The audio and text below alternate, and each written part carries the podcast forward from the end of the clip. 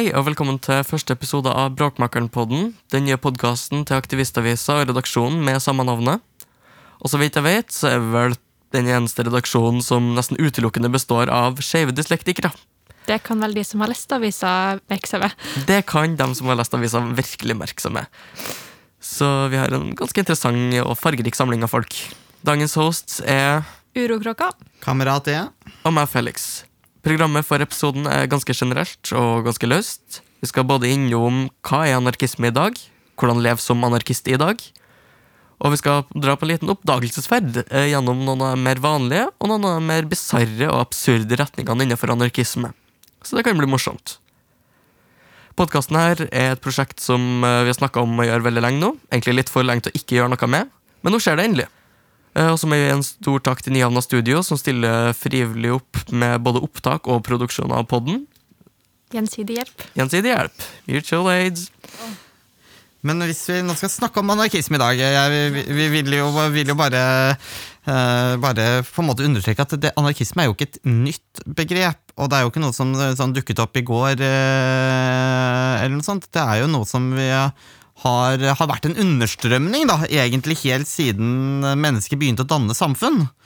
Uh, og anarkisme, uh, det er jo på en måte et sånt uh, og kommer jo av anarkia, fra gresk, og betyr jo egentlig uten styre. Kratos er jo styre. Det finner du jo i eksempel dette her demokrati, som det er folketyranniet, ifølge Platon da, og Aristoteles. Men anarki er jo da fraværet av dette Kratos. Eh, negasjonen av styret. Og det er jo ofte da forstått som et fravær av stat. Fravær av stat, hierarkier og Eller mer spesifikt undertrykkende trykkende hierarkier i samfunnet og undertrykkende institusjoner. Så da kan vi egentlig bare begynne med hvordan kom vi inn i anarkisme? Hvordan ble vi radikalisert? Vi kan jo begynne med deg, Rukråka. Eh, ja. Um, jeg har alltid syntes at det her um, Radikalisering har vært litt sånn vanskelig, for jeg føler jo ikke helt nødvendigvis at jeg har blitt mer radikal med alderen heller. Jeg har jo egentlig alltid vokst opp i et ganske sånn radikalt uh, miljø og vært sånn godt planta på venstresida. Um, men det er jo ikke før så nylig-ish at jeg egentlig har funnet det eh, tilknytning til eh, begrepet anarkisme. Og det har gått veldig gradvis.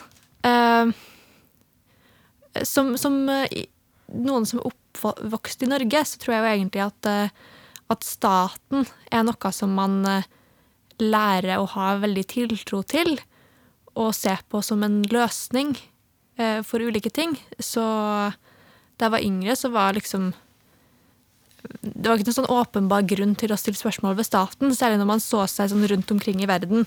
Eh, USA, for eksempel. Eh, sammenligner vi oss jo veldig ofte med.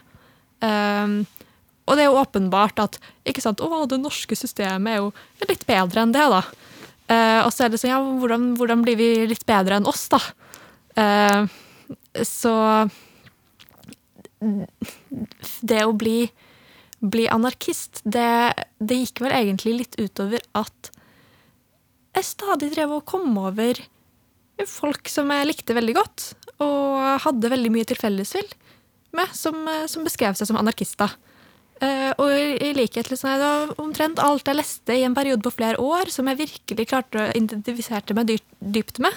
Ah, anarkist, anarkist, anarkist, anarkist. Altså, ok. Eh, kanskje det er det som er veien å gå, da.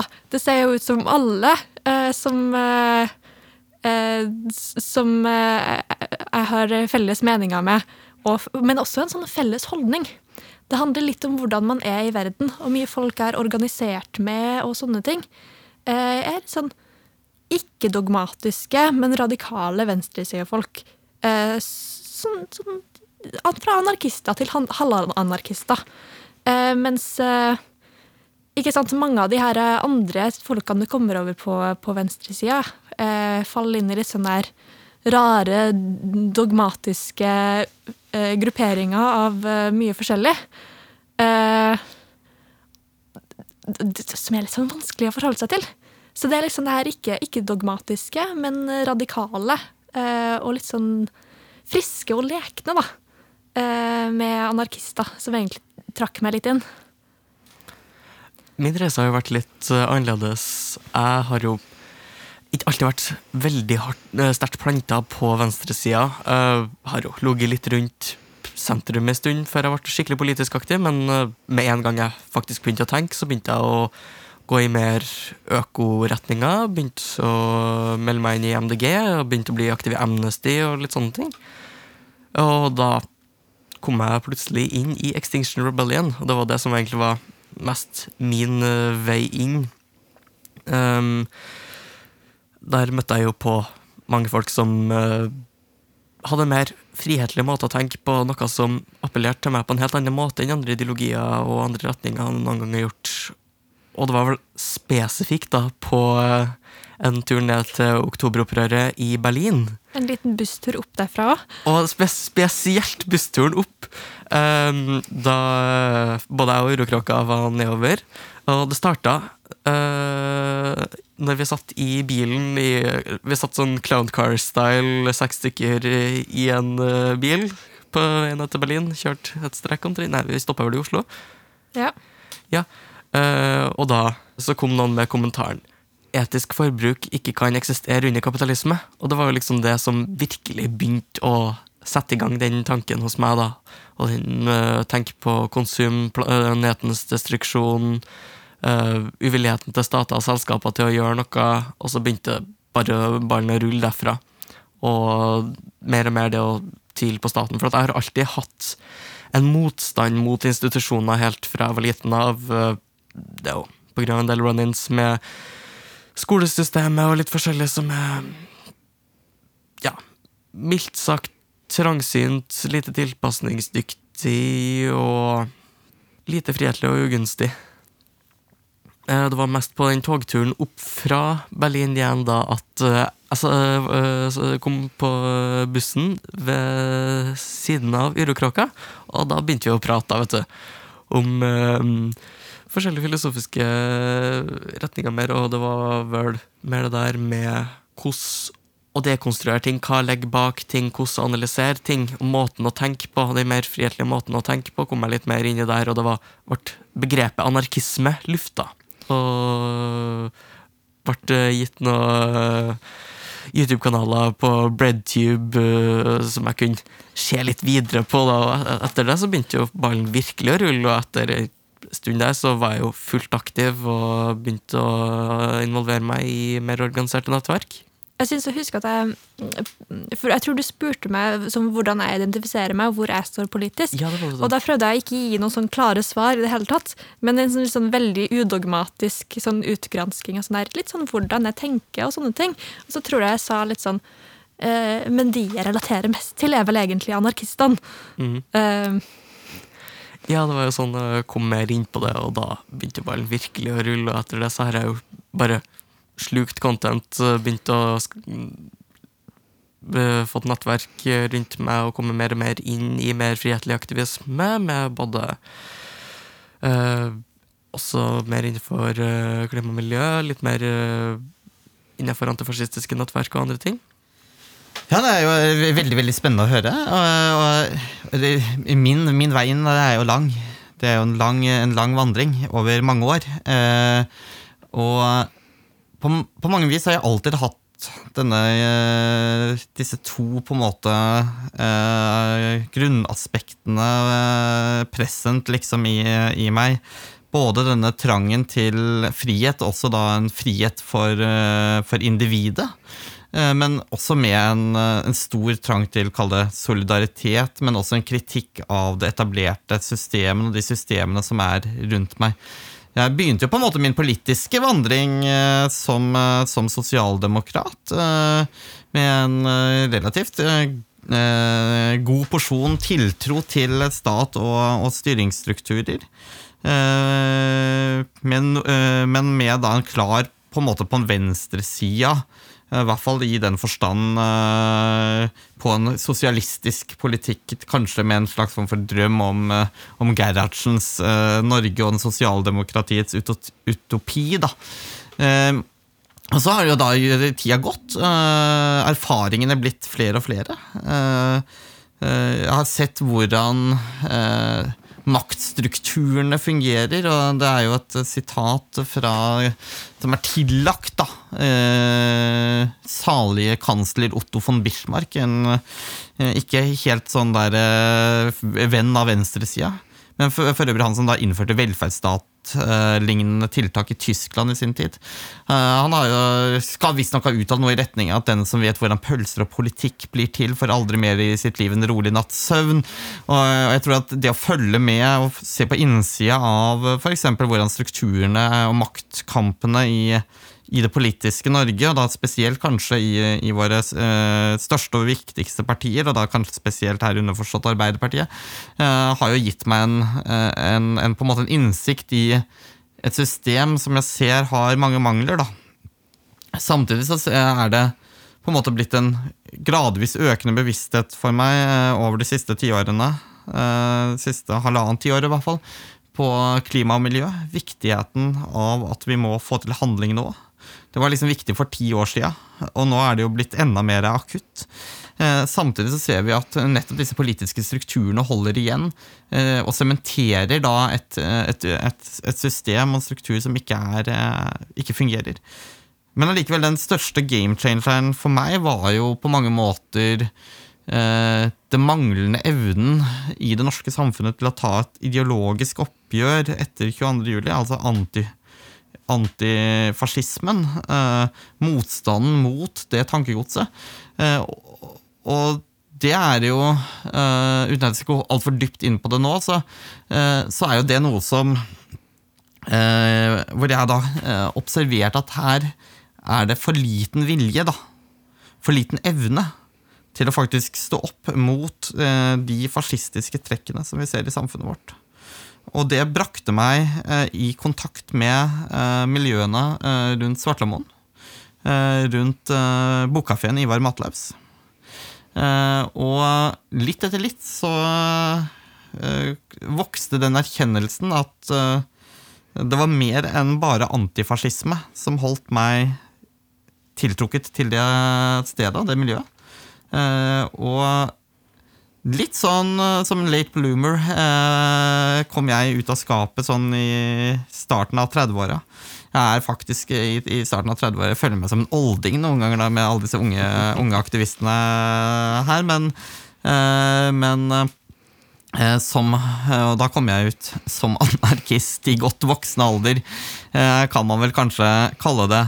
Men for meg er jo tilnærmingen til anarkisme mer enn at dette, mer enn at dette er én ideologi. Eh, mer er en filosofi, en livsstil, en måte å anskue verden rundt seg på. Og, eh, og det er i hvert fall den taken jeg har, har, på en måte valgt inn på det, og se mer hvordan kan man leve frihetlig. Vi kommer jo inn på dette temaet senere i dag, forhåpentligvis, eh, hvis vi ikke snakker oss bort. Og men også hvordan man kan, kan, gjennomføre det. Og så vil jeg jo si, da, litt for egen regning, at for meg er jo ikke eh, Anarkisme betyr jo ikke for meg kaos. Det er ingen dyrkelse av kaoskreftene, snarere tvert imot. For meg er jo anarkisme med på å gi orden. Det som er kaos, det som genererer kaos, er jo de absurde systemene som vi omgir oss med. Kapitalismen er jo på sitt vis et, et ordnet kaos og ment å ha kaoselementer Eh, i seg. Eh, det er ikke harmoni i, i f.eks. kapitalismen og i, og i, det det, de tyranniske elementene ved, ved den uh, allmektige staten. Det var, det var take jeg kom over Jo, det var mot, mot slutten av denne Graber-boka.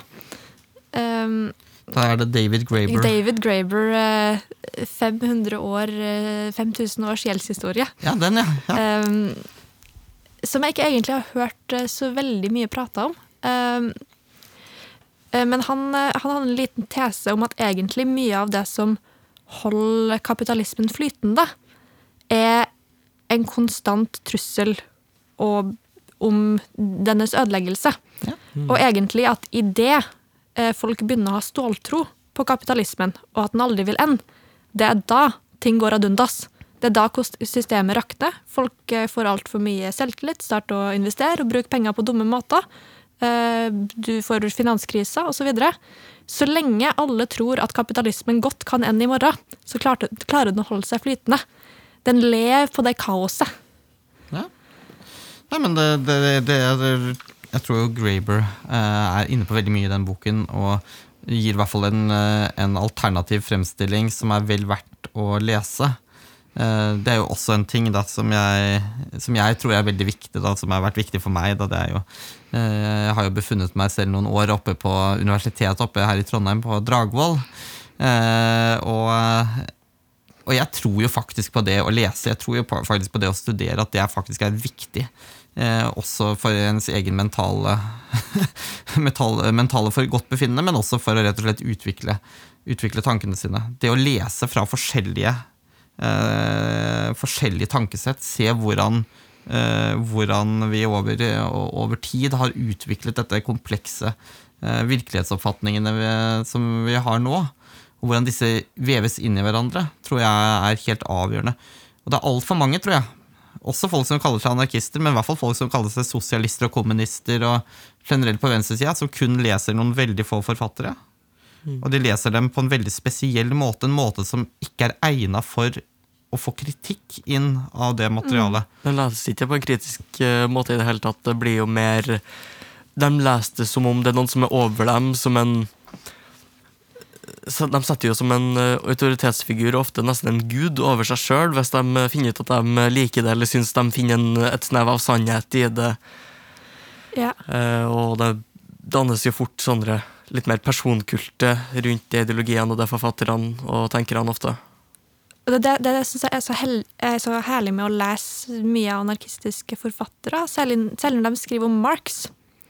eh, Så behandler de Marx med en sånn letthet. Og, og sånn, nei, det, det har ingenting å si om han tok feil i det og det. Og, og det, du merker at måten Marx blir omtalt på, er på en, en helt annen måte enn litt mer sånn der dogmatiske venstresidefolk, eh, som hvor, ja, hvor det nesten fremstår som en slags eh, fasit. Eh, mens eh, anarkister gjerne behandler den litt mer som en, et historisk fenomen. Og eh, det er klart eh, mye positivt å hente derfra, men, men like mye interessant eh, de klarer å dra ut av å kritisere og se alle feilene med Marx og plassere det i kontekster og se det innad i andre diskurser osv. Så, videre. så det, det er også noe som har gjort at jeg har eh, funnet anarkister veldig ja, fin, fin, fint lesestoff, da. Ja, og, og, og der tror jeg jo jeg, da, hvis jeg liksom skal få gi et sånt råd, da så typisk sånn gammel, gretten gubbe som gir, gir råd til ungdommen her. Men, men, eh, men jeg, det, jeg, jeg gir det av beste mening, og det er jo at jeg er litt sånn redd for dagens generasjon som eh, jeg holdt på å si YouTube-radikaliserer seg, da. Som ikke leser, og ikke har lest en eneste bok, eller gjort et forsøk heller på å lese eh, bøker, og, og som og kun får liksom servert en ferdig tolkning da, av materialet. For det er noe eget med det å bruke tid og kunne lese i en bok, slå opp i en annen bok, kryssjekke referanser, eh, faktisk arbeide seg gjennom bøkene. Eh, og også mange forskjellige bøker. Eh, for å kunne se nettopp det som er utfordringer med det. Hvis ikke blir det ofte det at det er noe noen andre har, har tenkt. Og der, og der tror jeg den anarkistiske eh, eh, spiriten også etter hvert har gjort seg gjeldende. Jo mer jeg har lest, jo mer jeg har, har, har eh, tatt inn over meg forskjellige eh, retninger, så ser jeg også mer hvordan disse retning At det ikke er én stor fasit. Det er ikke ett dogme vi skal opphøye til Gud. Eh, Det er ikke Marx og vi eh, Der liksom en del kommunister har et sånt ekstatisk forhold til Marx, så kjenner jeg svært få, ytterst få anarkister, som f.eks. for eksempel eh, dyrker eh, anarkistprinsen Kropotkin, i hvert fall i dag, da, eh, på en sånn opphøyd pidestall.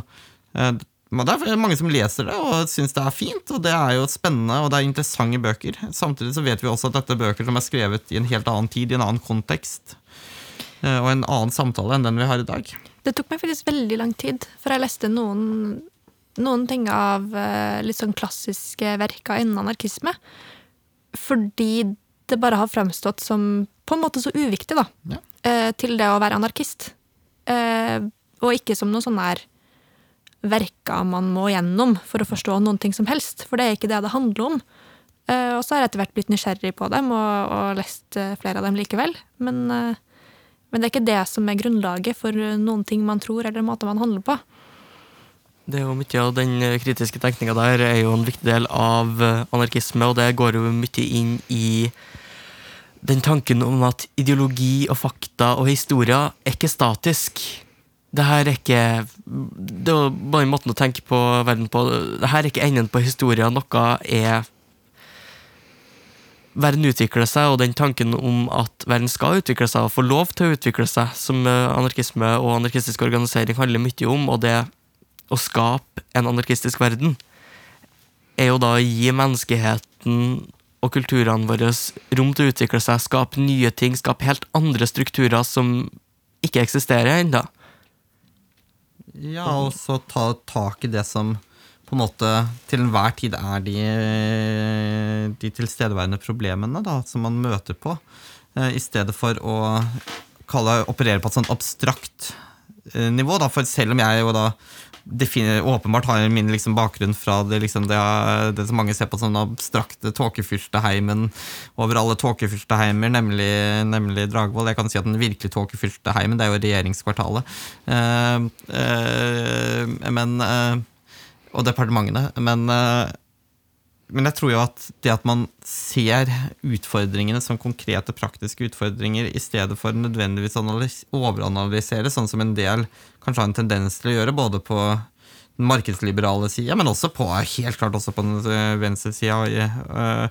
At, eh, å liksom implisitt tenke seg at strukturer som det er mar marked eller klassekamp ja, Kanskje er det både litt marked og klassekamp ute og går her, men kanskje er det noen helt andre drivkrefter som egentlig ligger bak. da. Og, og jeg, tror, jeg tror det er viktig at man bruker de verktøyene man har. da. Og det er veldig typisk tror jeg, også en anarkistisk ting, at det er en fleksibilitet eh, også knyttet til det. Mm. jeg vil ikke si pragmatisme, da. Eh, for pragmatisme inkluderer jo det at du går bort fra idealene dine.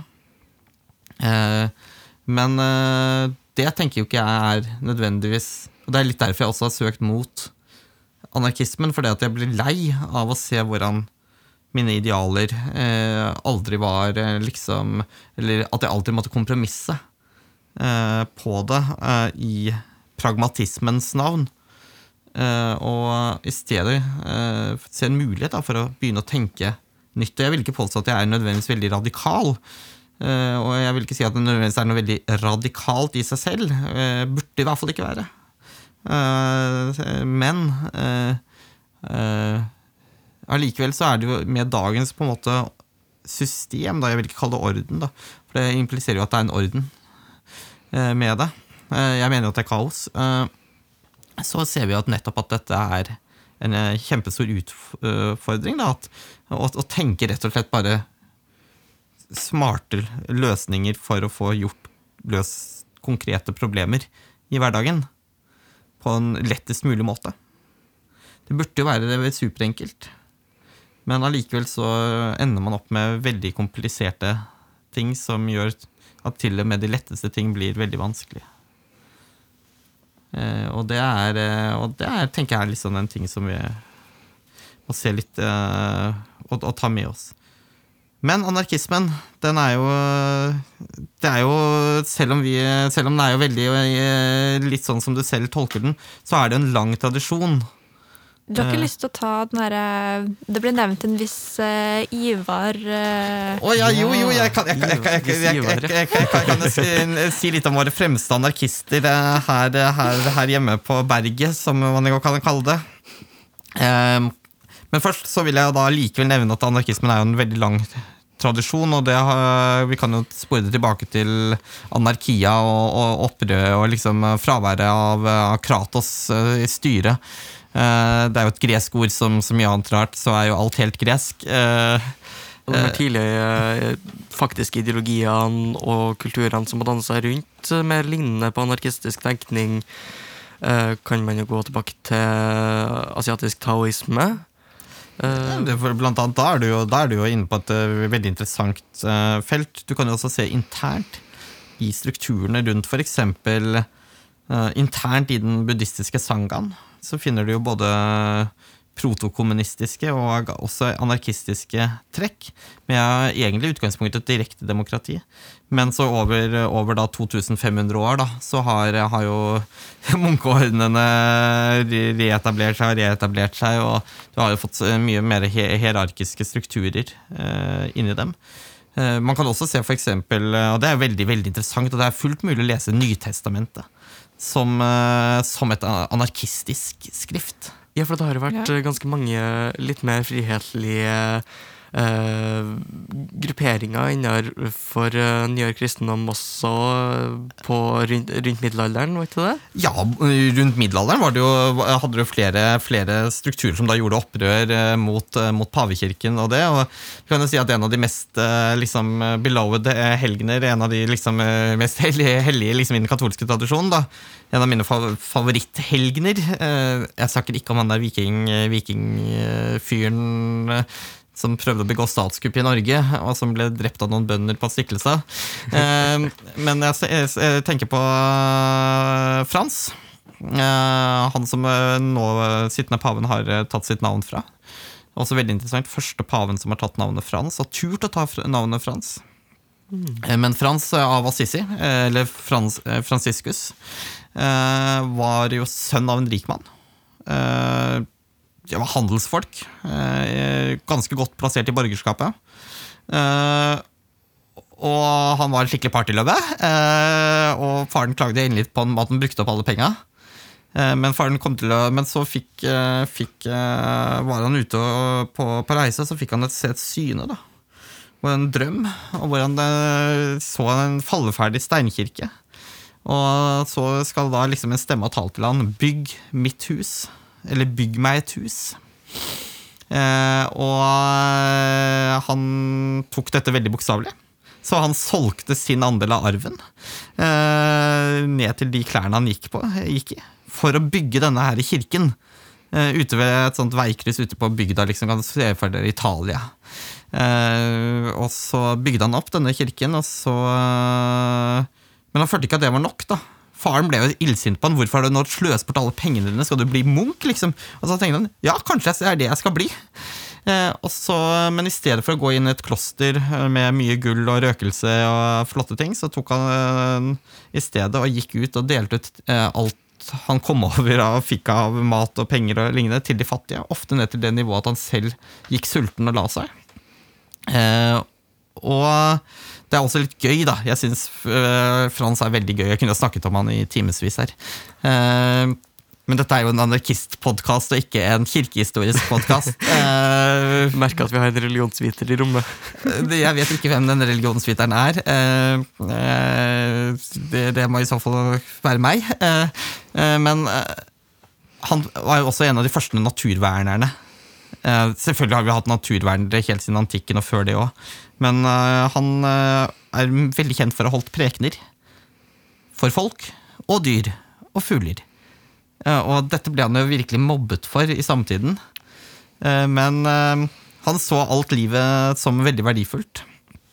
Og det kan hende at det også er derfor han er omtalt som en av de få som også av disse helgenene, for ofte er helgene får sånne merker og sånn, eh, som gjør at de kan liksom gjenkjennes, men det er få som har eh, det, liksom det fulle stigmaene. Altså alle Kristi sårmerker. Mm. og det skal visstnok Frans ha utviklet. Da. Så han var uh, erkjent for å være liksom en eh, spe, eh, spesiell fyr. Og det, vi, han var jo så spesielt at den munkeordenen som oppstod rundt han, til og med ble eh, forsøkt gjort til kjetters, eh, kjettere. Fordi at de ble jo De eh, preket jo om en fattig kirke. Og det var jo ikke veldig bra. Dette kan man jo lese veldig mye om i romanen til Umberto Eco Rosens navn. da. Men så var det dette med, med prester og, og det, og der har vi jo dette med Ivar Mortensen Einund. Ja, Jeg vet ikke hva dere kan om Ivar. Vi har jo en uh, liten kjær kafé oppkalt etter uh, eh, Ivar Matlaus her i Trondheim. En eh, Han var vel um, Det var noe okkultisme involvert. Ja, det var noe okkultisme involvert. Uh, prest, okkultist, uh, oversatt mye rart. Var ikke uh, Eddan. Ja, oversatt Edda til nynorsk. Landsmål. Det er. Landsmål, ja. Eller du vet, De hadde vel kanskje begynt å kalle det nynorsk på slutten av hans levetid, men det var jo landsmål. Uh, Ivar Mortensen, uh, Einund, uh, var jo filolog, prest, filosof, eh, dikter. Eh, folkeminnesamler. Eh, prøv- ja, han hadde en politisk karriere i partiet Venstre på slutten av 1800-tallet. eh, Da Venstre var det liksom partiet for forandring av det etablerte, og ikke en del av liksom, hvor de ikke kunne tenke seg å være støtteparti for Høyre, for å si det sånn. Eh, Var det ikke det den franske revolusjonen handla om, da? jo, lite grann. Bursdagsrevolusjon for endring av uh, borgerskapet til ja. nytt borgerskap. Men uh, han nektet å ta imot tilbudet om å liksom bli nominert til en stortingsplass. da. Uh, Fordi at han heller Han trodde ikke så mye på den parlamentarismen, da. Så han er regna som anarkist. Han var en av et lite miljø som også kalte seg anarkister. Blant andre i dette miljøet var Hulda og Arne Garborg. Eh, Som sikkert noen har støtt på i norsktimene. Eh, Og denne her gjengen holdt til oppe i traktene rundt Alvdal, Tynset og Folldal, oppe ved Einunddalen. Eh, som en sånn sidedal av en sidedal oppe, oppe til Østerdalen, da. Eh, og oppi der satt eh, Ivar Mortensen og dikta, gjendikta Edda. Han prøvde å oversette hindutekster som eh, eh, Ramayana, også kjent som Ramakvedet, eh, når du får det i nynorsk språkdrakt. Eh, han skrev om okkultisme. Eh, han var jo også en praktiserende okkultist. Ved siden av at han i alder av noen og 50 også da ble ordinert til prest. Eh, hva mer skal vi si? Jo, uh, han gikk under navnet Matlaus fordi at uh, han ble litt ertet av sine venner uh, Garborgene. Fordi at han sjelden hadde penger igjen til mat til seg selv.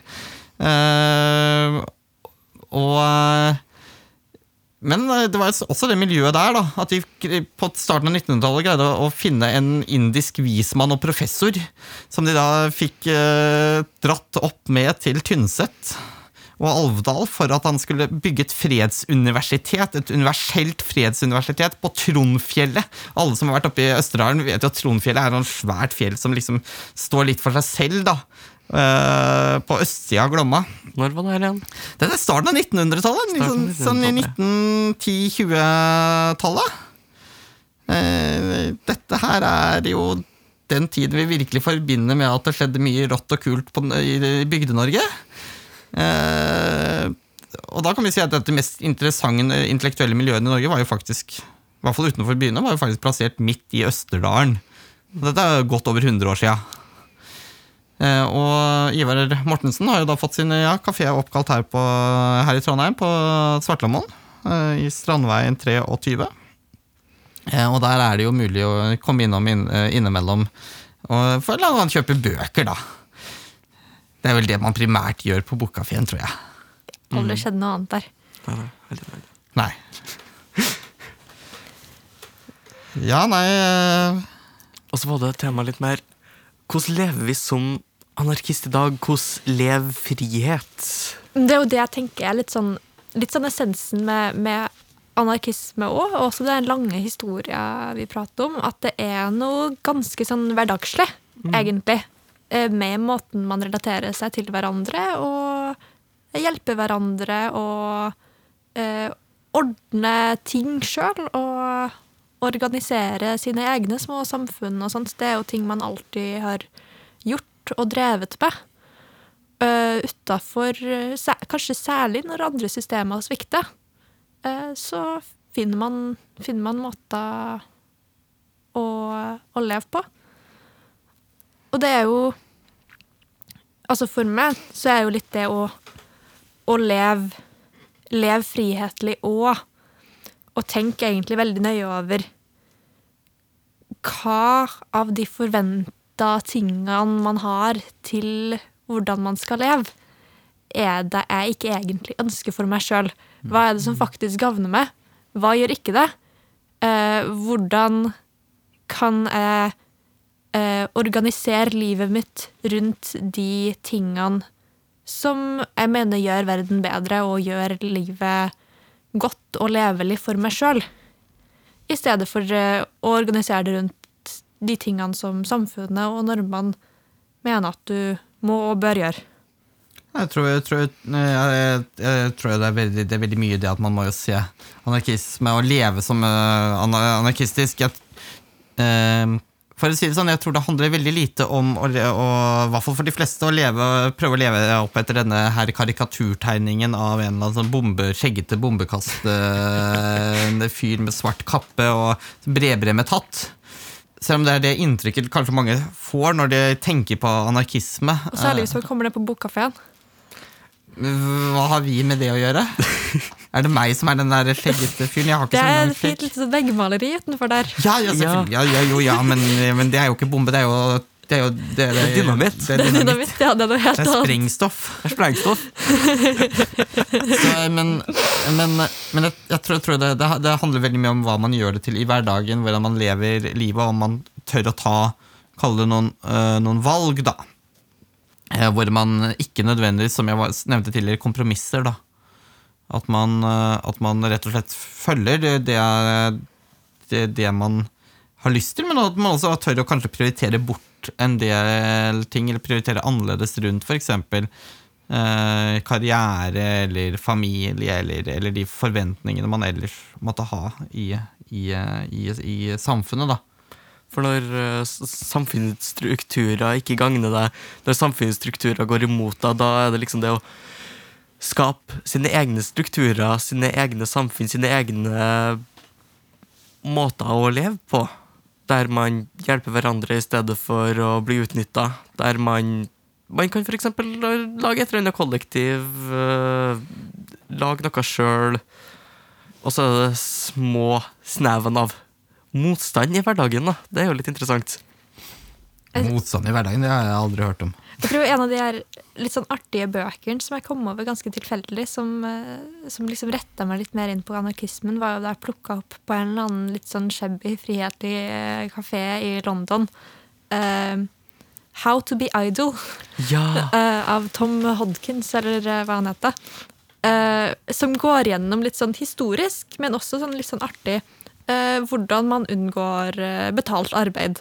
mm. ved eh, drikking, som man konstant er liksom hungover, ikke kan dra på jobb. eh, eh, historiske bevegelser hvor man har gjort det for å redusere arbeidsuka så mye som mulig. Og liksom at sånn Nei, nei, i dag er det fylletirsdag, vi er alle bakfulle, ingen kan komme på jobb. Liksom hele samfunnet som har vært organisert rundt sånn eh, sykluser av alkohol eh, for å unngå arbeid. Eh, og, og, og i sånn masse forskjellige bevegelser som har unngått arbeid. og sånn her, Så er det liksom delt i sånn der frokost, lunsj, middag andre, altså Nytelser i løpet av en dag.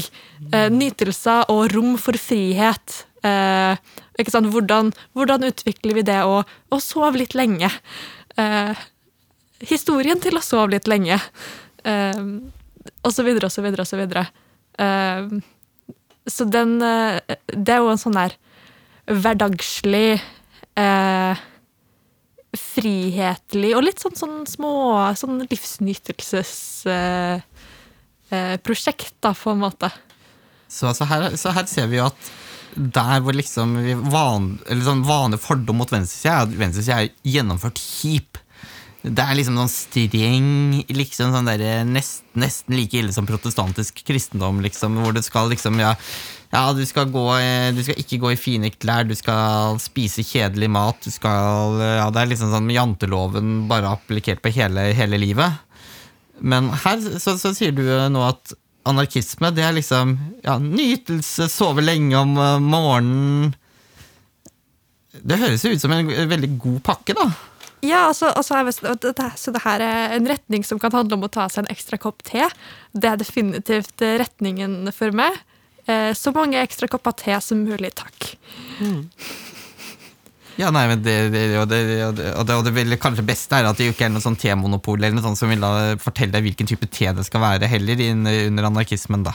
Helst ikke sånn East India Company eller noe sånne eh, imperialistiske teprosjekter med litt sånn narkotikahandel og, og så videre og så videre.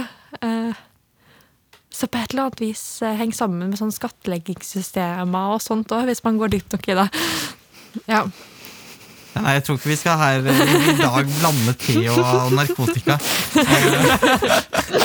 Eller kanskje det nettopp det vi skal gjøre, jeg vet ikke. Det er jo, vi er jo anarkister, da, så Nei, Nei, kanskje ikke i dag. nei, kanskje ikke i dag. Kanskje det kan være et senere tema en gang? Vi kan gå litt mer inn i te. Ja. Som, som i, i anarkistisk forstand mm, videst eh, talt. For en professor av meg eh, fortalte meg en gang at eh, ja, hvis du liksom skal skrive bare verdenshistorien og så ta, bare ta utgangspunkt i noe, da, så en sånn, i hvert fall for de siste 300 årene, da, så bare skriv historien om te. Eh, så vil du få dekket det aller meste. Eh, og, det er Jeg tenkte litt på det. Ja, jeg er ganske sikker på at han hadde rett i det, akkurat det der. Følg teen, liksom.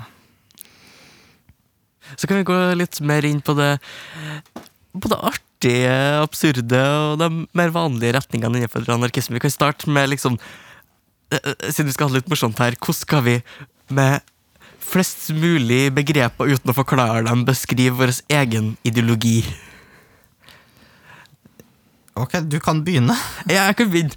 Uh, da kan man si uh, jeg er post-siv, skeiv, øko-anarkokommunist. Ja. Jeg, øh, det, jeg tror ikke det er noen motsigelser i der, egentlig. Jeg tror det er de mer logiske retningene. Ja, det de, de, de, gir jo til en viss grad mening. Eh, en viss grad. Jeg bare lurte på om var det, Hadde du glemt noe oppi der? Men det tror jeg ikke. Jeg tror ikke jeg gjorde det. Er det noe som kunne ha kommet oppi der? Jeg kunne ha fått inn feminist òg, men det hadde blitt litt langt. Jeg fikk ikke ordet til å passe inn helt.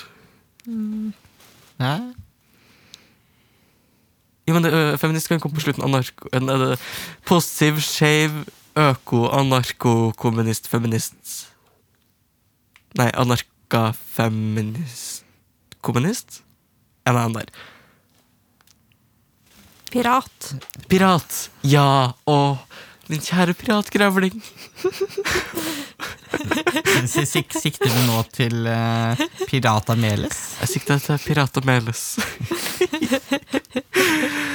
Åh, min kjære rosa piratgrevling. Det Min litt sånn indre persona har blitt.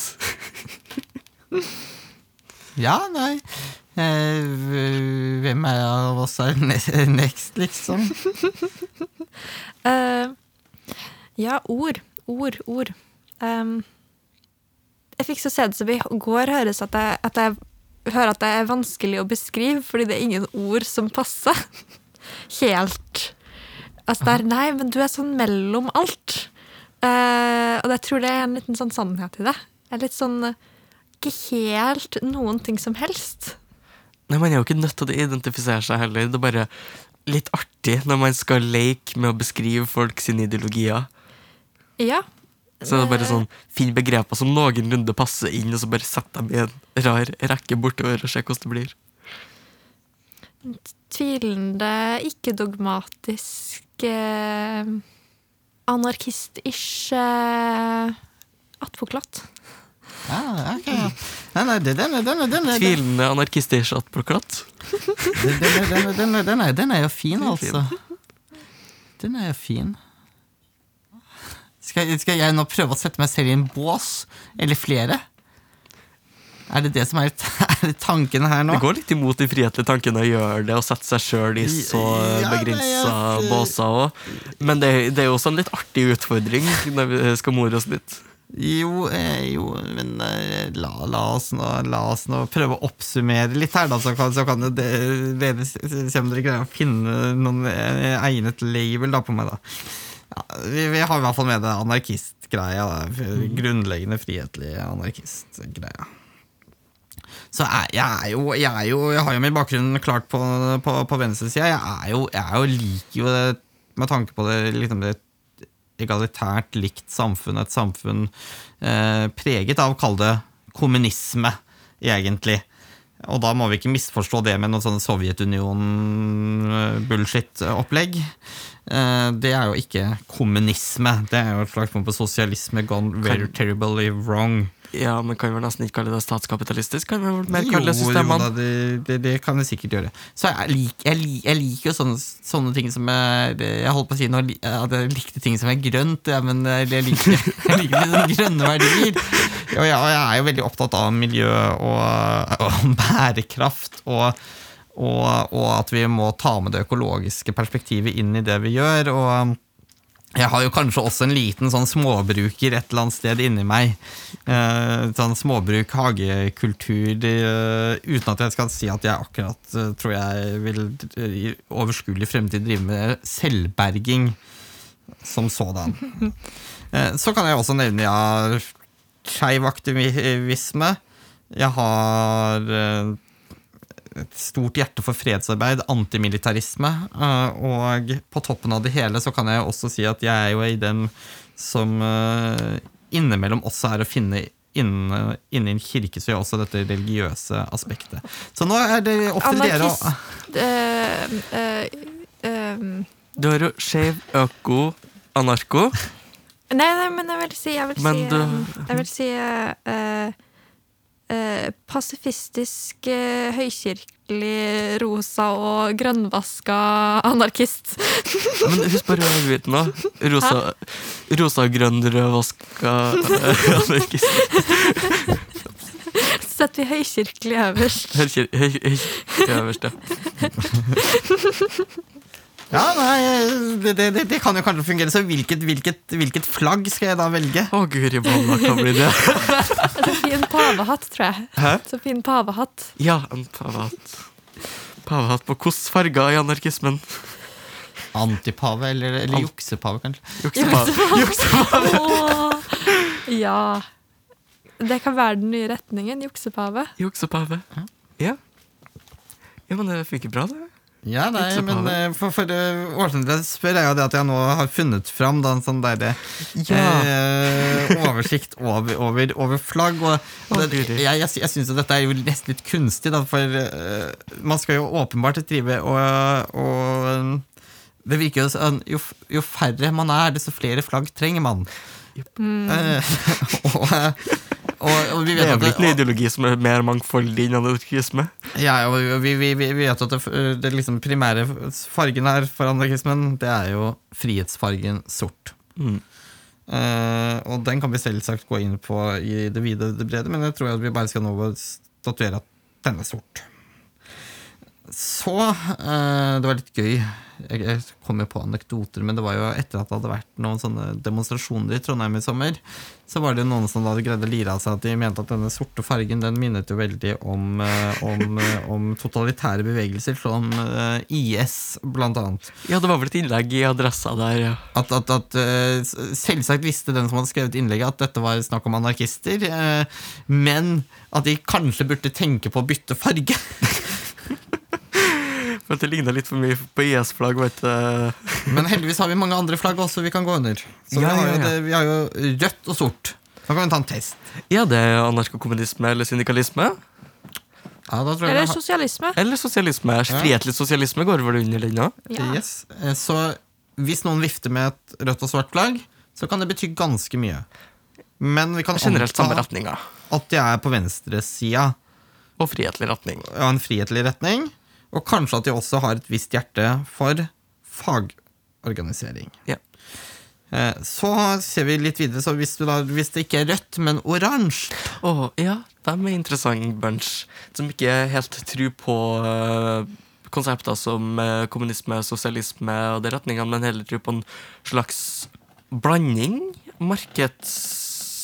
Er, det er vel en mer eldre ideologi som vokser ut fra tankene til Proudhon, mer enn noe annet. Eh, der det er kollektivistiske, der det baserer seg på mutual aids og ikke-tyrannisk eiendom. Så det baserer seg på tillit til kapitalismen innenfor et begrensa rom, på en måte. Mm. Ja, mutualisme er jo ofte, ofte begrepet som knyttes der, da. Eh, Så har vi jo da det lyseblå av sorte. Det er, Nihilisme Mhm. Det er vel nihilisme? Mm, ja Lyseblå, det kan også være individualisme. Ja, ja. Det er vel men de, de, to. men de, de ligger jo tett opptil hverandre, Ja, de retningene. de gjør det, eller alle de blåaktige vel akkurat samme, basically bare andre ord, stort sett. Så små For, forskjeller. for, for, for, fra lyseblå er det jo ikke et så langt hopp til, eh, til, til mer sånn der til, til turkise, ja.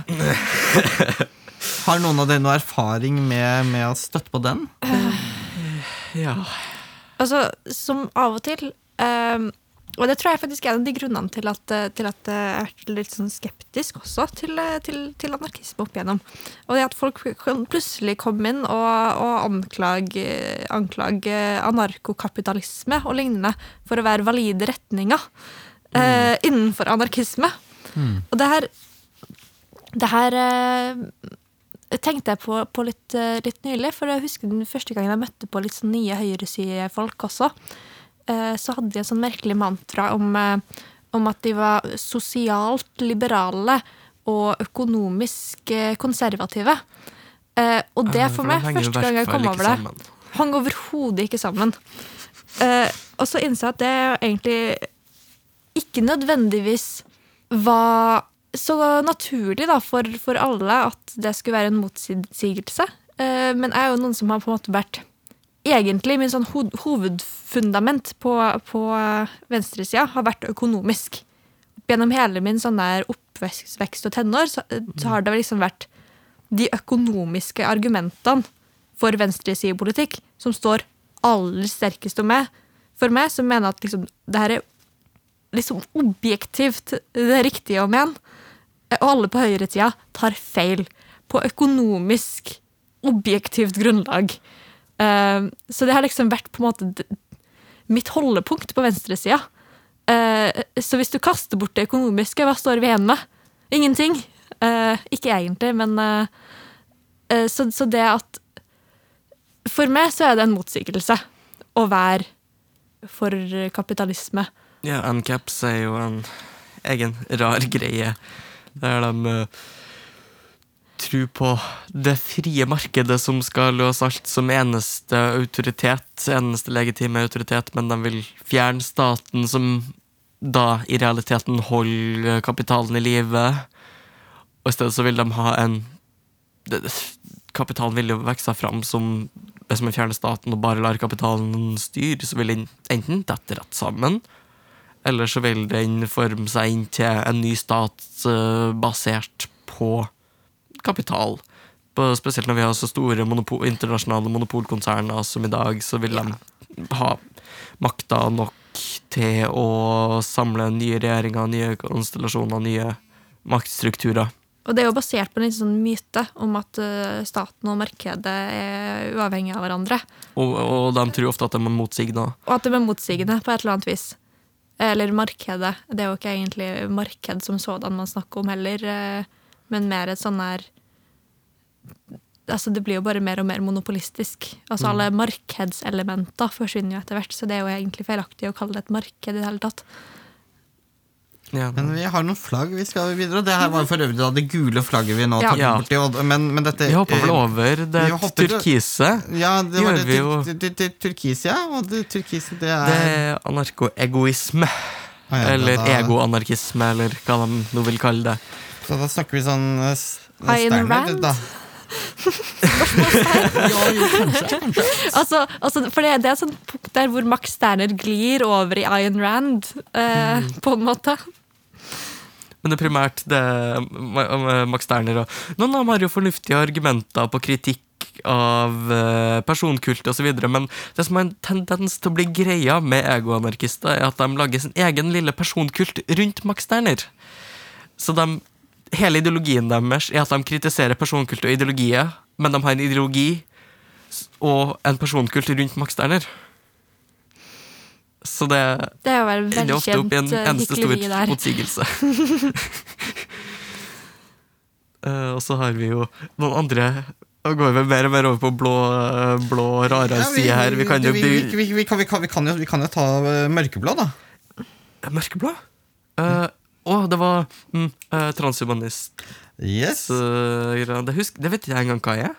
Ja, det er jo meningen, det. Transhumanisme. Eh, det er jo de som ønsker på en måte å gå videre og forbedre det motsatte av økoprim, uh, ja, ja, vi kan si at disse her ønsker å gå videre og ha en stor optimisme på at man kan bevege seg på en måte, ja, gjennom teknologi, gjennom eh, Og da spesielt f.eks. Uh, genteknologi eh, og moderne medisin, eh, og, men også, også generelt sett vanlig teknologi, liksom, kan gå videre og, og, og, og liksom forbedre mennesker, men også da eh, fjerne liksom behovene for for, eh, for å måtte arbeide og, og sånn i fremtiden. Blir det her litt sånn den her helautomatiserte luksuskommunismen?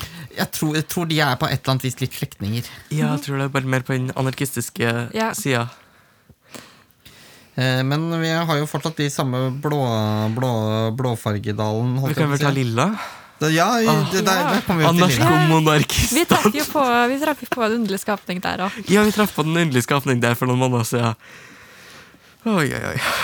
Hvor skal vi Ja, starte hvor, her? hvor, hvor vil dere starte? Det er jo en åpenbar motsigelse mellom de ultimate autoriteten til eh, rojalitet og anarkisme. Ja. Så det er liksom Du skal være uten leder, men det skal være én supreme leader som skal steppe inn når Ja, det blir kaos, er visst argumentasjonen. ja eh, og, og, og tanken her eh, høres, dette, dette høres ut som veldig klassisk, eh, men gammeldags klassisk tenkning. Antirepublikansk tenkning. Mm. Eh, og det er jo også selvfølgelig veldig antidemokratisk. Ja. Eh, den er jo, eh, det er jo, men tanken om den opphøyde monark, det gode styret ved én, eh, er jo en sånn typisk aristotelisk tanke. Eh, Aristoteles må vi jo huske var jo læremesteren til en viss Alexander. Eh, så vi kan jo få lure på hvor han fikk ideene sine fra. Men lilla er jo også representerer jo noe som kanskje er litt mer, litt mer spiselig. Det brukes jo ofte Ja, men Hvordan er lilla shadesene der? Er det samme lilla shade, eller er det de de er liksom, Det kommer litt an på, men generelt sett lilla brukes jo ofte, og, og en litt sånn purpur mot purpur-lilla brukes jo veldig ofte om, eh, om uh, uh, anarkofeministretninga, da. Ja, for det her er vel ofte brukt med ei krone i midten, eller et eller annet sånt. Ja. Ja, og så kan vi ta den mer vanlige ideologien med anarkafeminisme. Ja, ja, det, Den er jo fin. Ja. Det er ikke selvmotsigende, iallfall. Det er i hvert fall ikke selvmotsigende. Så vi har uh, Derfor det for seg. Men mener man er blant de veldig spesielle folkene som mener at feminisme er Ja. supreme, supreme kvinneideologi, da. Ja, eller dem som er litt mer trans-exclusionary, og det Ja. Da, da, da, får- da starter man å få hierarkier igjen. Yep. Uh, så lenge man ikke er en del av den uh, terfatte uh, ren kvinnedominansretninga, så er det en veldig fin Det er som regel ikke de som eh, vifter med sorte plagg. Nei, det er stort sett ikke det. Det er stort sett ikke dem som ender opp der. Men det jo, jeg har sett noen. Jeg har sett noen, Oh, ja, ja. men det er veldig sjeldent. Stort sett så er det bare fint. Men, eh, men for å kanskje da, da lilla kan jo være litt sånn eh, både og, da, tydeligvis. da. Så kan vi jo gå til en litt mer safe da, eh, fargesjattering. da. Ja. Så da kan vi gå fra lilla så kan vi da gå opp et lite hakk, og da tar vi den på rosa. ikke sant? Ja, og den er jo så koselig. Skeiv anarkisme. Skeiv frigjøring gjennom frigjøring av alle. Ingen er fri for alle, fri-tanken inn i et større perspektiv. Men det mener jeg også er noe som er veldig viktig nå, som vi har en litt sånn mainstream eh, homobevegelse. Ja, Som er veldig biten. regnbuekapitalisme, rosavaska imperialisme Yep. um, Samtidig som vi egentlig ser at skeive sine rettigheter blir trappa tilbake mange mange steder i Vesten òg. Ja, definitivt. Pluss utviklingen går for sakte. Det var, Det er for de fleste som eh, eh, En trend jeg har oppdaga litt mer og sett med aktivister som eh, begynner å gå litt mer i frihetlig retning. De fleste anarkister i dag er stort sett skeive. Det er stort sett skeive som blir anarkister, dette, men det handler jo ofte om at det er dem som har Som blir har høyest grad av undertrykkelse i samfunnet eller møter på mest motstand i samfunnsinstitusjoner, blir jo dem som blir radikalisert. Ja, så I forlengelsen av det kan vi jo si at uh, hvis du har liksom opplevd at staten prøver å, å overstyre deg, Eller På- staten mener at du ikke eksisterer, som Ja. ikke-binære, f.eks.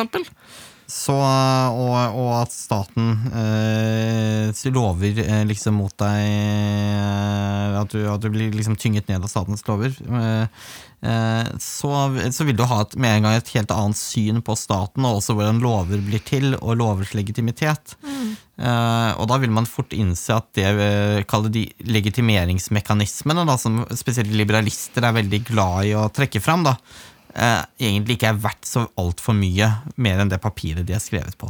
Og så er det jo også fryktelig Altså Det frihetlige er jo helt sentralt. Frihet til å være seg sjøl og uttrykke seg sjøl som man vil. og Ja. Rett og slett frihet til å være, retten til å leve.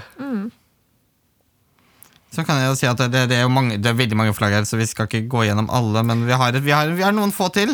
Ja, vi Kan- må gå inn på den sånn mest absolutt absurde. Vi har Ja, faktisk ikke klart å komme til dem. Vi har vært gjennom noen absurde allerede, men Nei, Vi har ikke tatt svart og grønn engang. Nei, og, Nei, nei, ja, men svart Det svarte og grønn har jo to sjatteringer. Den har faktisk tre. Har den tre? Oi, oi, oi. Oi, oi, oi. Da må vi ta de, alle de grønne nyansene først, Men, da. men, men kanskje vi skal bare først uh, avslutte liksom det at det nå også har dukket opp et eget, bare fordi at tydeligvis queer anarchism ikke er nok. Mm -hmm. Så har man da også en anarkotransfeminisme, som også skal ha sitt eget flagg. Hvordan, hvordan den ser ut? Det er transflagget Med svart. og med svart. Ah. Hmm. Ok. Eh, Det har vel kanskje vokst fram på grunn av det litt mer tilfattede tendenser i noen uh, anarkafeministmiljøer. Er Stort sett i USA har jeg hørt en del historier om at det har vært en trend. I Norge har jeg ikke hørt noe mye om akkurat det. Nei, jeg tror den europeiske trenden, eh, primært her, da vi kan tradisjonelt ha vært på en måte en egen skeiv anarkisme, og som da har på en måte røtter tilbake i f.eks. Eh, de, eh, de skeive sosialistmiljøene eh, i f.eks. Tyskland på 1910- og 20-tallet. Og før det. Og før det. Eh, Første anarkistavisa, nei, Ja. første skeive avisa i Tyskland, var jo ei anarkistavis Ja. som var starta på 1860-tallet. Eh, Og der har vi en interessant utvikling. For den starta som anarkistavis, og det ble jo egentlig en ganske sånn stor homobevegelse. I, eh, stor skeiv bevegelse i Tyskland. Eh, Og litt sånn kom ut av romantiske kulturen òg. Det her verdsettinga av vennskap mellom menn og sånne ting. eh, Som utvikla seg til en litt sånn homobevegelse. Mm. Og når den ble mer og mer mainstream, så gikk det her magasinet over til å bli litt mer liberalt. Eh, hvorpå til slutt, ute på 1920-30-tallet, eh, så er jeg faktisk redaktøren eh, av eh, denne avisa. Eh, date eh, lederen av The Brown Shirts, Ohoi! Oh, ja, så, så, Oi, så, er der, så da har eh, som ble da drept da Ja, under The Night, Night of the Long Knives. eh, eh, Så du har gått hele veien. Det var faktisk skeive tendenser innad i nazibevegelsen. ja, Fordi at homobevegelsen sto veldig sterkt i Tyskland. Ja, og jeg har jo lest eh, tekster eh, hvor eh, kommunister eh, i Tyskland på, eh, på 1920-30-tallet Og det var jo ikke så veldig eh, fett å være kommunist i Tyskland med, på den tiden. Alle, alle hatet deg jo egentlig. Så de, og de hadde jo da et sånt gjensidig hat tilbake, så de så jo på nazibevegelsen som litt homo. Eh, og, og, og jeg, jeg har lest noen, noen fantastiske beskrivelser om hvordan de også da overanalyserer de tyske uniformene, blant annet.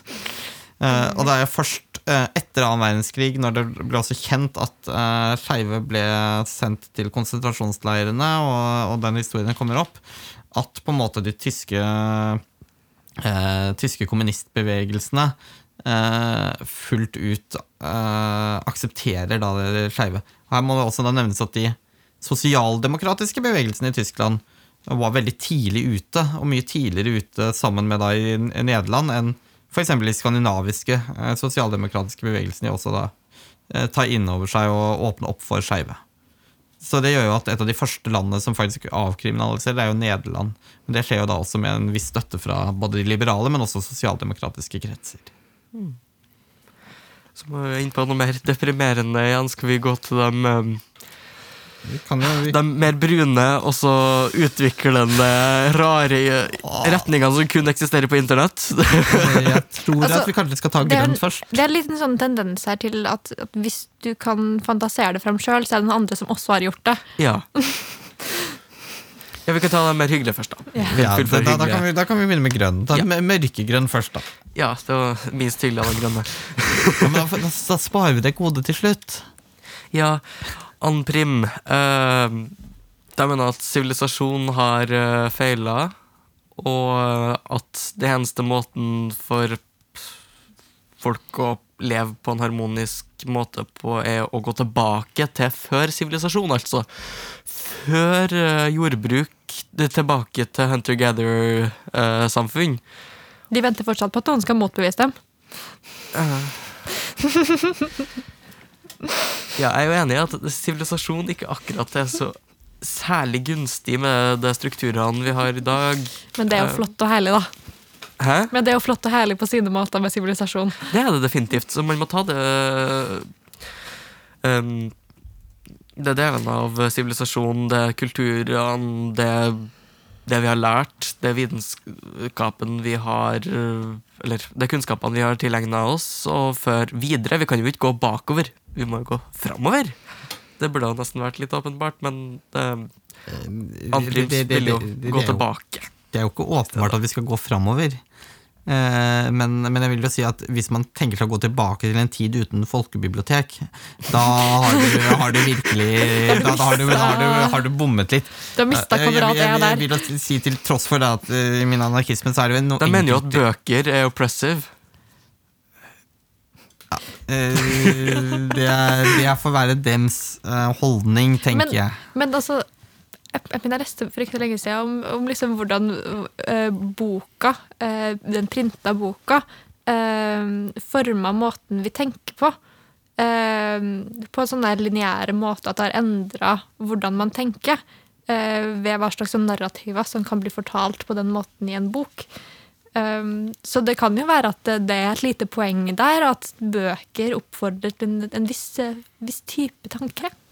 Ja, jo, Annet enn en muntlig tradisjon, f.eks. Men, men jeg tror fortsatt det er eh, veldig mye mer sunt enn en ymse YouTube-videoer. eh, Ja, men de vil, jo vil jo ikke, ikke de vil jo ikke ha eh, teknologi. De, de, de definerer jo ikke teknologi noe godt. De vil bare bort med teknologi, alt moderne, i stedet for å faktisk ta med altså, så, lager de en YouTube-video eller en podkast om det.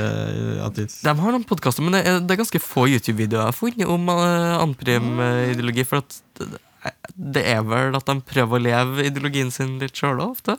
De har jo veldig koselige kollektiver da ute i skauen, uh, hvis de faktisk begynner å gjøre det. Da syns jeg det er veldig koselig. Lage litt mer primitivistiske uh, samfunn øh, ute i skogen. Hunter-gatherer-klansamfunn. Ja, nei eh, Så lenge det ikke skader noen. Så lenge det ikke skal Ja, og... Men det er jo litt koselig, da. men, men, men det er jo, grønn er jo en koselig farge. eh, Det det. Og det er jo flere, flere eh, hvis vi går litt lysere, da. Så, da får, til øko. Eller ja. skal vi ha en mellomting mellom Anprim og øko, så har vi Postsiv. ja, vi kan jo Veldig kort, vi har jo vært litt inne på det, har vi ikke det? Ja, vi har vært litt inne på det. Eh, Det er vel litt mer det der Du har fortsatt kritikken av samfunnet og dagens institusjoner og måten Eller retninga verden går i, og du har økobiten med overkonsum, overproduksjon øh, og generelt ikke bærekraftige strukturer.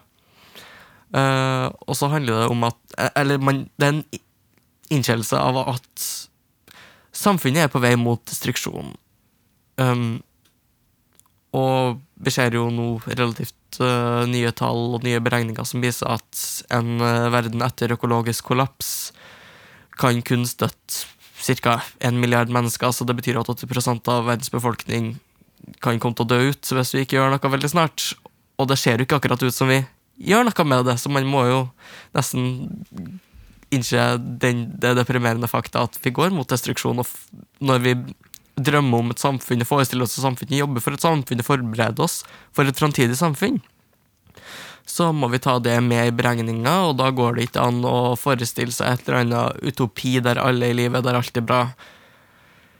Uh, vi er nødt til å se at vi har ødelagt verden, rett og slett. Og det, og det å komme seg videre fra det og føre til Ta med oss det vi har lært fra sivilisasjonen, videre i en ny samfunnsform. Mer generelt, som baserer seg mer på scavenging av uh, Urban mining er jo en ganske viktig del av uh, det bruk av uh, Det er jo en ting som har vokst fram i andre ideologier og kulturer også, med at det å hente opp gamle rør, gamle ting som er gravd ned i bakken, og bruke dem igjen i byer som har Vi har jo såpass mye ressurser som allerede er produsert på jorda, så det går fint an å faktisk bruke det om igjen, i stedet for å produsere nytt og nytt og nytt, grave opp nye og nye materialer. Men vi har jo flere flagg. eh, Hvis vi Vi skal, flere hvis, vi, hvis vi skal komme oss gjennom her, så kan vi jo si Øko er ganske likt postsiv, altså litt lysere Litt mer lysegrønn side. flott, men da har vi et svar på, på hva øko er. Ja. Eh, eh, så er vi over på, på Ja, vi, det finnes jo så utrolig mye her, men vi ser jo at det er jo noen som ikke har valgt noen farger i det hele tatt. Bare hvitt og sort. Hvitt og sort, ja. Ja, der har man Det eh, høres jo eh, litt sånn uh, pasifistisk ut. Ja, Ja, og det er jo nettopp to, det der. Det, det er jo to retninger der. Det er pasifist-anarkisme, og så er det kristen-anarkisme. Å, ja. Ikke KKK. Eh. Hæ? Tenker du nå på, på, på, på, på liksom kapital, kirke og konge? Altså de tre ondene i verden? Med Ku Klux Klan. Å ja, de, de er også et onde. Men da blir det jo fire, da, Kåre. og da, da, da, da Da passer det liksom ikke inn. Nei, Men de passer jo ikke inn uansett, de, da. nei, ikke det. Men eh, nei, så, så vi, har, vi har jo veldig mange eh, flagg. Eh, det finnes jo selvfølgelig muligheter i denne verden av, av memer. Å kunne designe sine egne flagg til det absurde. Memer. Jo, men det heter mem. Det heter ikke meme. Og det heter faktisk mem også på engelsk. For det kommer av ordet for memo, altså Ja. huske. Jeg, jeg tenkte det kom til å komme noe latin her. Ja. Men dette er gresk. Oh, ja, Ah, ja. ja. Eh, så vidt jeg minst husker. ja, det er helt gresk, ja. Eh, så, men det er i hvert fall hentet ut derfra det samme ord som i memory, og det heter ikke memory. Jo, men det gjør jo det. Memory. Ja, jo, det gjør jo det. Det, det, det er jo, og handlinga og mime er jo memory. Ja. Gjennom beding. Me- me- Memory. Memory. Ja, jeg, jeg, jeg, jeg tenker at vi må jo, vi må jo vite hvor, hvor ting kommer fra, da, på et eller annet vis. da. Jo, jo. Men nå ble jeg plutselig litt i stuss. Var det latin, eller var det gresk? Nei, nei, nei. Nå skal vi gå over på flagg her.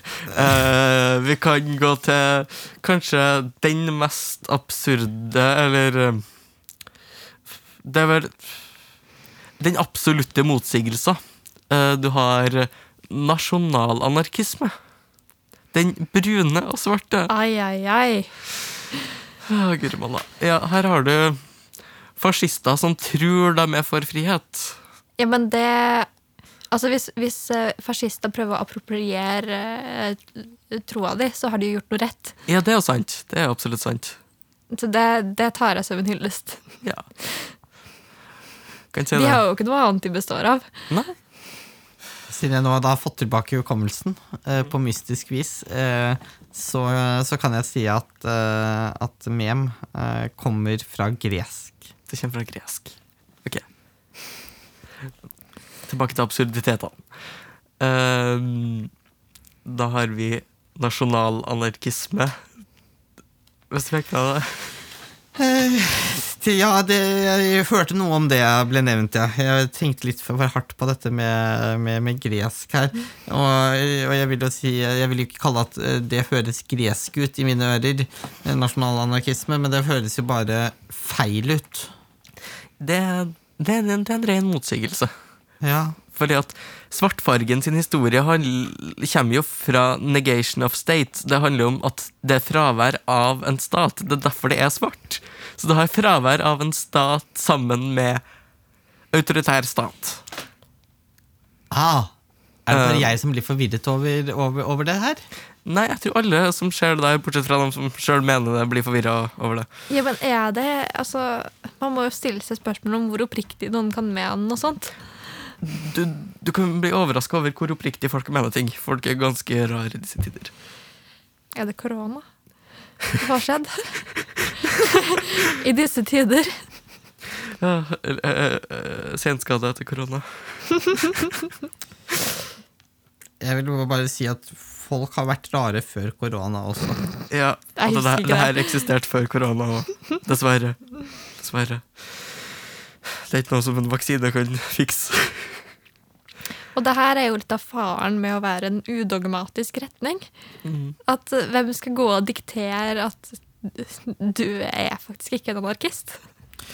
Nei, men eh, Men, men jeg har, jeg har i utgangspunktet litt sånn idé om at på et eller annet vis, så selv om vi ikke skal dømme noen til å ikke være anarkister, så ja, er, dere hører at det er et lite men her. Ja. Eh, og det ligger jo i at på et eller annet vis eh, så vil du jo ikke ikke kunne lenger eh, si at noen er anarkist.